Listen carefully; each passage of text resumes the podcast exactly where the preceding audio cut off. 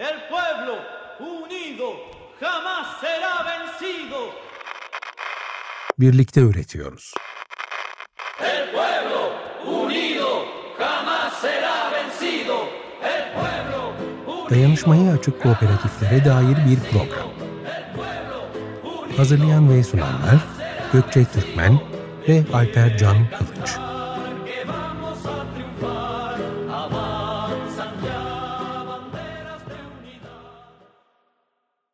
Merhaba sevgili Açık Radyo dinleyicileri. Ben Gökçe. Ben Alper. Birlikte Üretiyoruz programına hoş geldiniz. Ee, baştan belirtmek isterim ki böyle bir deneyimin parçası olmak bir harika ama biz hiç bilmediğimiz radyoculuk sularına girince açıkçası işlerin bambaşka olduğunu fark ettik.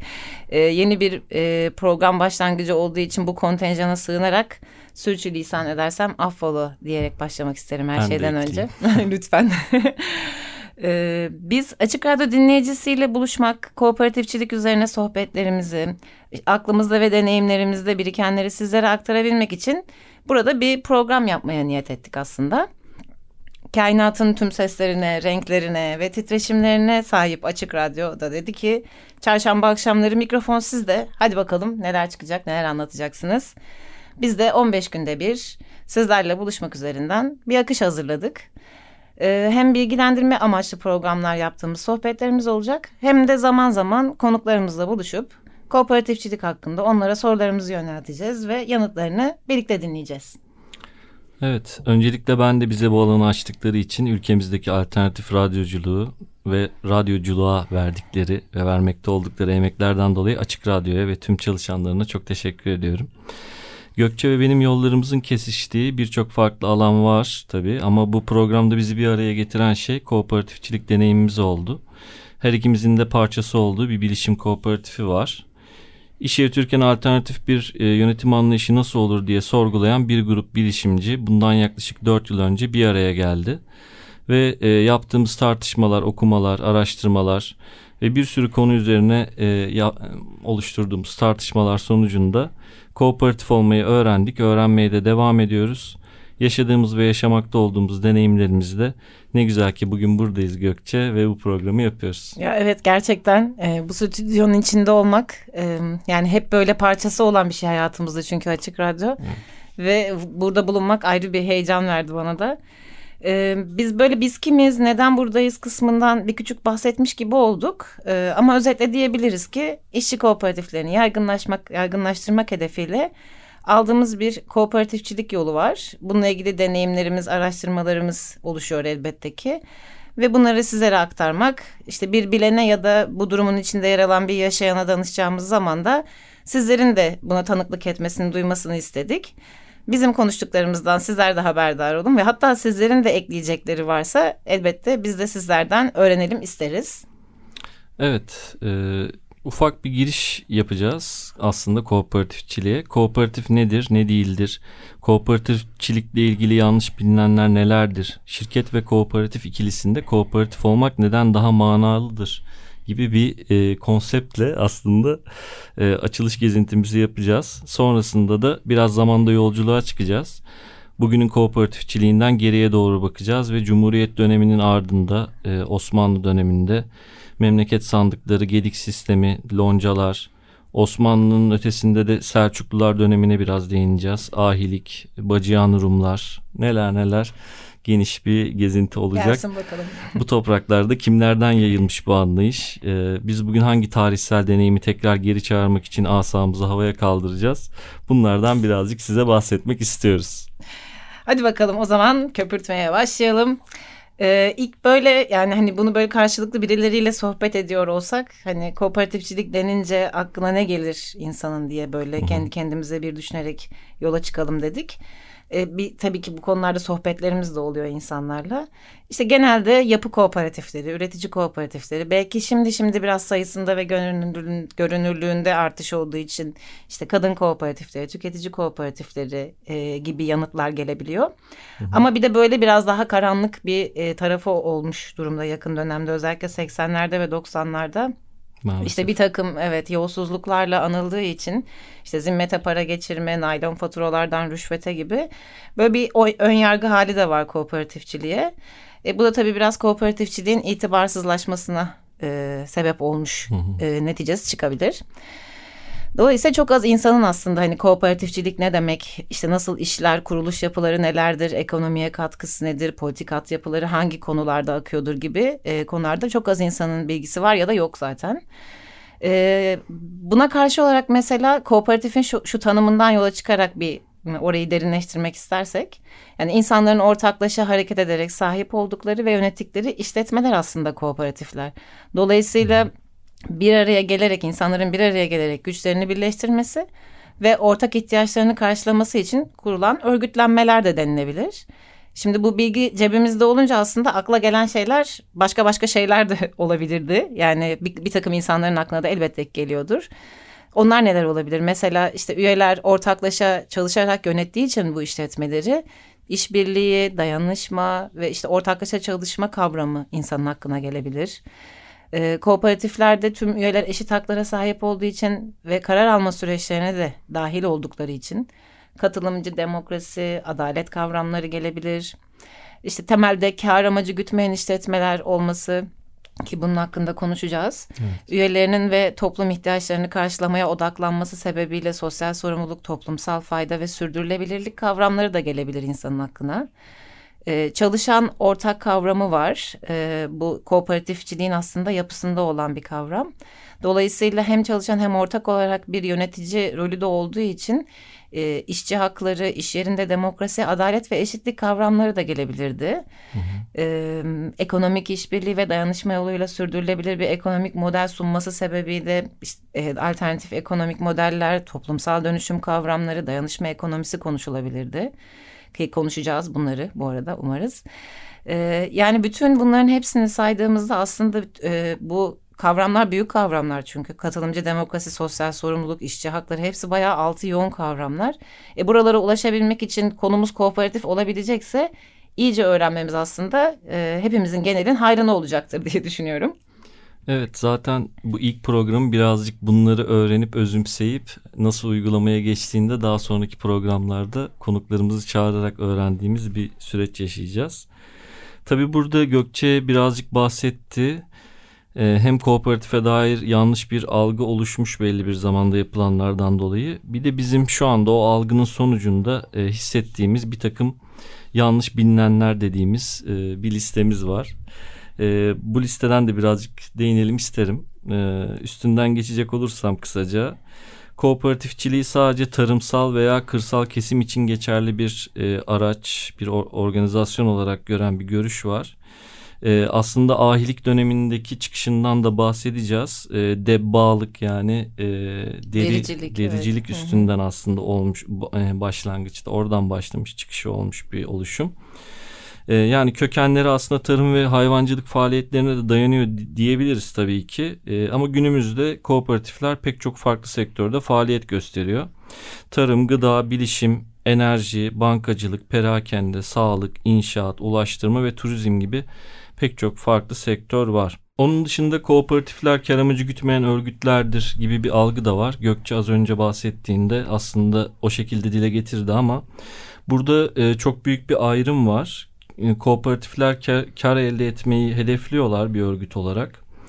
E, kar elde etme amacı olsa da e, bunu ortaklarının çıkarlarını korumak için ve katılım esasına göre e, yapıyorlar. Aynı zamanda e, bir patronluk durumu söz konusu değil. E, ortak dediğimiz e, çalışan ortaklar yani kooperatifin işçileri aslında burada karı da paylaşabiliyorlar ya da kar tamamen sermayeye aktarılarak kooperatifin geliştirilmesi sağlanabiliyor. O açıdan da şirketlerden oldukça ayrışan bir yapısı var. Kooperatifler küçük ölçekli işletmelerdir gibi bir algımız var. Ee, kooperatif çeşitli büyüklükteki işletmeler için kullanılabilen bir iş modeli aslında. Bazı kooperatifler küçük çiftlikler ya da el sanatı işletmeleri gibi e, olabiliyor. Bazı kooperatiflerde daha büyük enerji, bankacılık, perakende e, sektörüne yönelik işler ya da devasa işletmeler olabiliyor.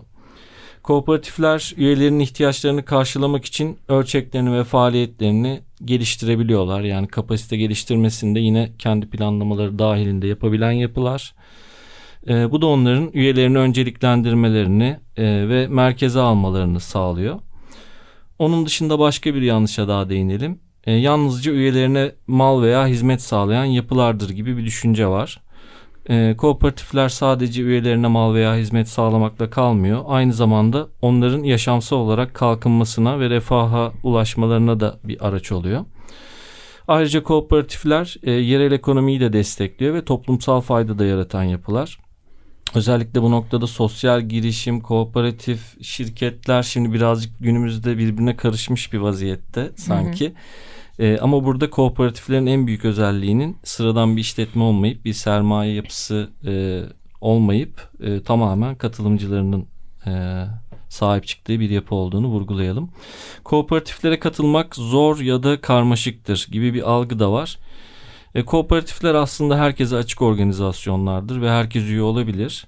Kooperatiflere katılmak için tabi belli şartlar, e, kurallar olabilir. Yani her kooperatif kendi şart ve kurallarını yaratabilir.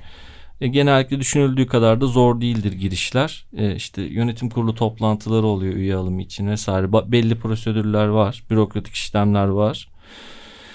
Ee, yani siz de şimdiden bir kooperatif kurmayı e, hayatınızda planlamaya başlayabilirsiniz. Korkmayın. Haydi şimdi siz de bir kooperatif kurmak için ilk adımı atın diyelim.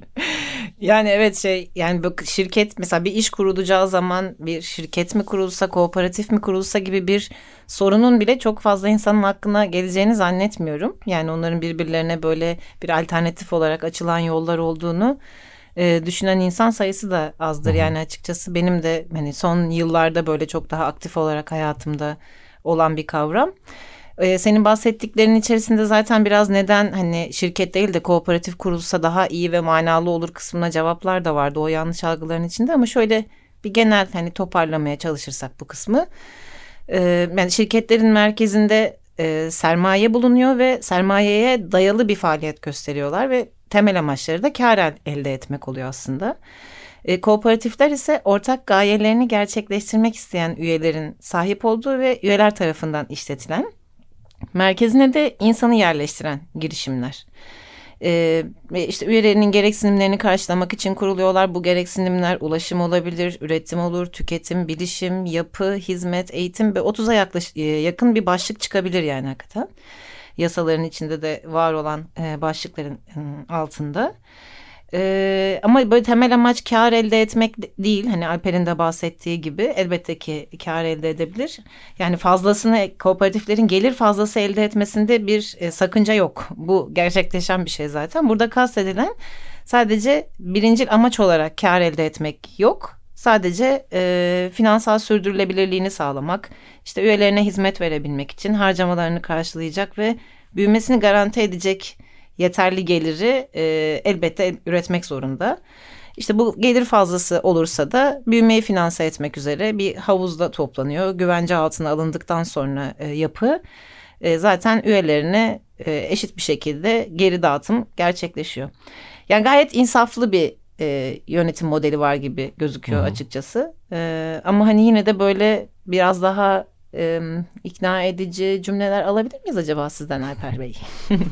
yani aslında sen de bahsettin. Ee, insanın aklına kooperatif denince neler gelebilir?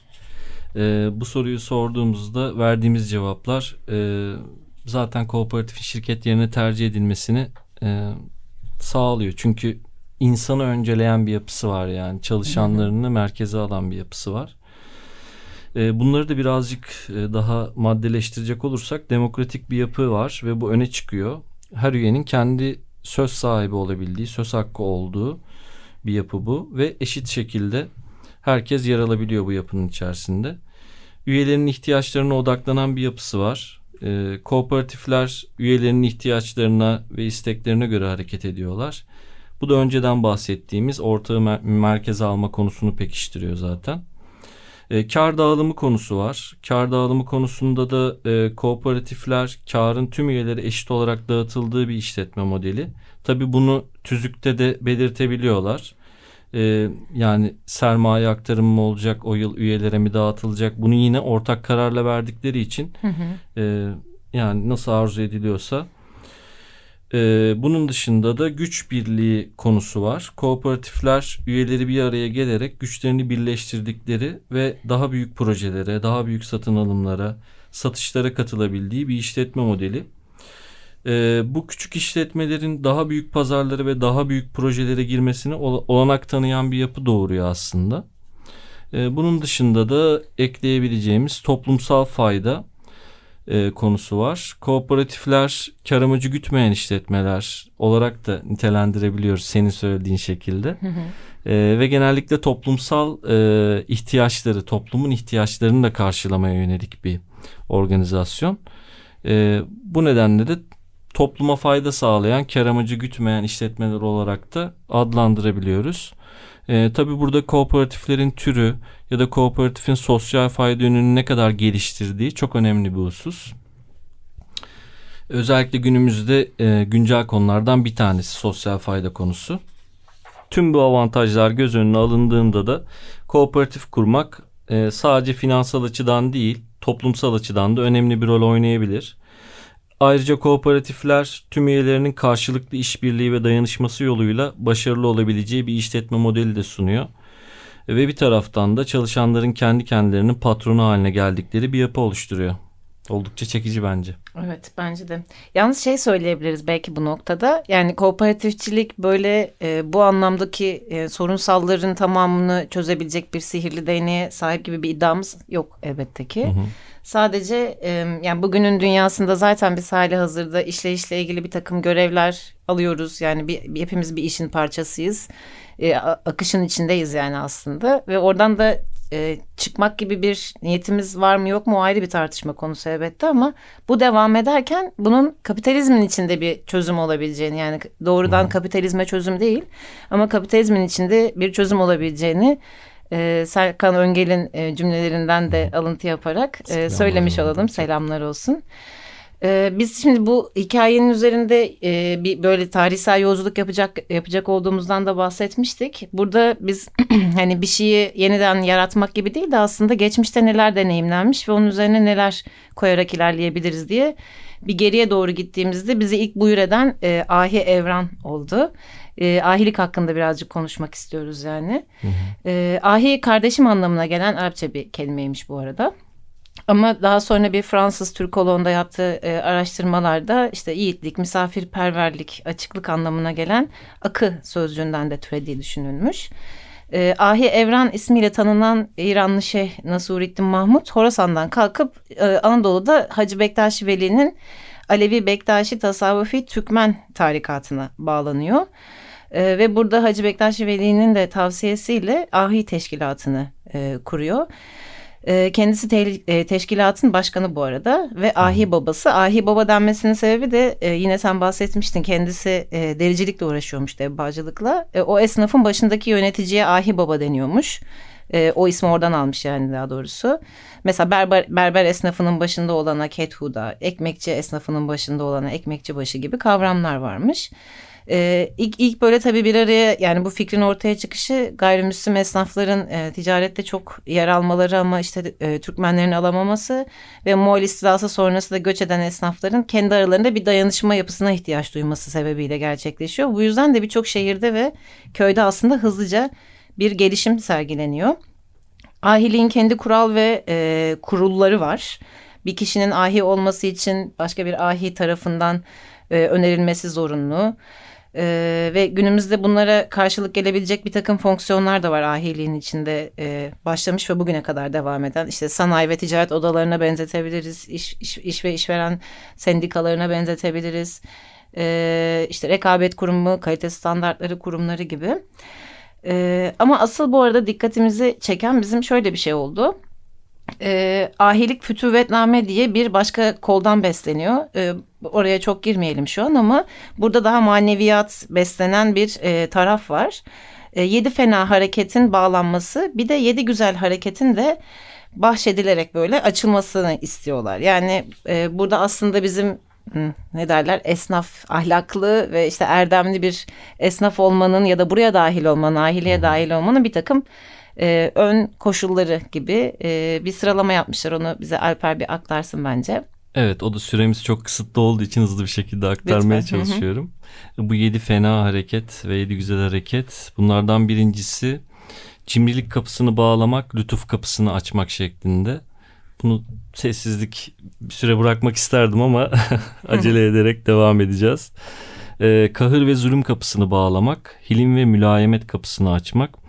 Burada hilim aslında akıllı ve kültürlü olmakla kazanılan hoşgörülü, bağışlayıcı ve medeni davranışlar sergilemeyi sağlayan ahlaki bir erdem olarak geçiyor. Mülayemette yumuşaklık, yumuşak huy, yumuşak davranma manasında. Ee, üç numara hırs kapısını bağlamak, kanaat ve rıza kapısını açmak. Dört numara tokluk ve lezzet kapısını bağlamak, riyazet kapısını yani nefis terbiyesi kapısını açmak. Beş numara halktan yana kapısını bağlamak, haktan yana kapısını açmak. Ee, altı numara herze ve hezeyan kapısını bağlamak, marifet kapısını açmak. Herze burada münasebetsiz saçma sapan söz ya da davranış olarak geçiyor. Ee, yalan kapısını bağlamak, doğruluk kapısını açmak. Ee, kafirler, çevresinde iyi tanınmayanlar, kötü söz getirebileceği düşünülenler, katiller, e, hırsızlar, dellaller, e, yani aracılar, e, vergi memurları, vurguncular örgüte katılamıyorlar. E, burada üç dereceli bir düzen söz konusu örgütün içinde de. E, yiğitlik, yamaklık, çıraklık, kalfalık, ustalık, halifelik, şeyhlik ve şeyhül me- meşayihlik e, kademeleri var. Kişiler e, ahilik teşkilatına girince bunu yavaş yavaş aşıyorlar. Ahilik gelenekleri aslında Türkçe deyimleri de dönüşmüş. Bunlardan bir tanesi de papucu dama atmak, papucunu dama atmak. Bu da aslında ahiliğin peştemal kuşanma töreniyle ilgili. Çıraklıktan kalfalığa geçiş töreni sırasında eğitim tamamlanan çırağın papucu dama atılıyor. Bir yandan da artık e, bu çırak ustalarından, kalfalarından eskisi gibi ilgi görmüyor. Ama bir taraftan da bir mertebe yükselmiş oluyor. Gökçe. bir dama yapı var. atılmak da buraya bağlanıyor. Şimdi böyle bir sürü e, kriter girdi e, alınam şeye ne derler ahilik teşkilatının içine alınamayanlar, çevresinde iyi tanınamayan tanınmayanlar, hırsızlar, işte tefeciler, işte vergi memurları gibi. Bütün bu hikayenin içinde o dönemi düşününce kadınları mesela buraya koymamaları ilgimizi çekti. Çünkü hani çok söz sahibi değil o dönemde kadınlar ve burada devreye e, Anadolu bacıları girdi. Onlara konuk olduk e, ahiliğin kadınlar kolu olarak adlandırabileceğimiz e, bir yapı Anadolu Bacıları Bacıyan Rum da deniyor. E, ve dünyada ahilik teşkilatı ile birlikte sadece kooperatifçiliğin ilk örneğini oluşturmamış Bacıyan Rumlar aynı zamanda bir meslek teşkilatı olmanın yanında siyasi faaliyetlerin yürütüldüğü bir kadın örgütlenmesi de olmuş. Ve dünyadaki ilk kadın örgütlenmesi e, olduğuna yönelik e, araştırmalar da var. Bununla ilgili konuşacağız. E, konuklarımız geldiğinde, e, kadın kooperatifçi arkadaşlarımız geldiğinde burayı ayrıca derinleştirmek istiyoruz. E, zamanımız çok az kaldı Alper ama Evet. sana hemen ben böyle bir Osmanlı döneminden bahsetmen için e, versem. Yani Osmanlı döneminde de aslında değinmeden geçmememiz gereken yapılanma Lonca Teşkilatı. Lonca Teşkilatı Osmanlı Devleti'nde kent esnafının ve küçük çaplı üretim yapan zanaatkarların örgütlenme biçimi diyebiliriz. Ahilik Teşkilatı'nın devamı, devamı niteliğinde bir yapı. E, fakat şöyle bir fark var ki ahilik teşkilatı aynı dine sahip kişilerden yani Müslümanlardan oluşurken Osmanlı'nın bu döneminde loncalarda farklı dinlere mensup kişiler de bulunabiliyor. Yani birazcık katılım şeması değişmiş diyelim. Hı hı. Yani şeyde bu lonca sisteminin içinde de kontrol edilemeyen bir takım başka e, değişkenler olmuş ve e, onun da üzerine bir gedik teşkilatı denemişler bu arada Osmanlı döneminde. Tekel ve imtiyaz, an- imtiyaz anlamına gelen gedik işte sanat ve ticarette uğraşabilme yetkisi. Burada da bir takım sorunlar çıkmış. İşte miras bırakılıyor, miras bırakılıyormuş.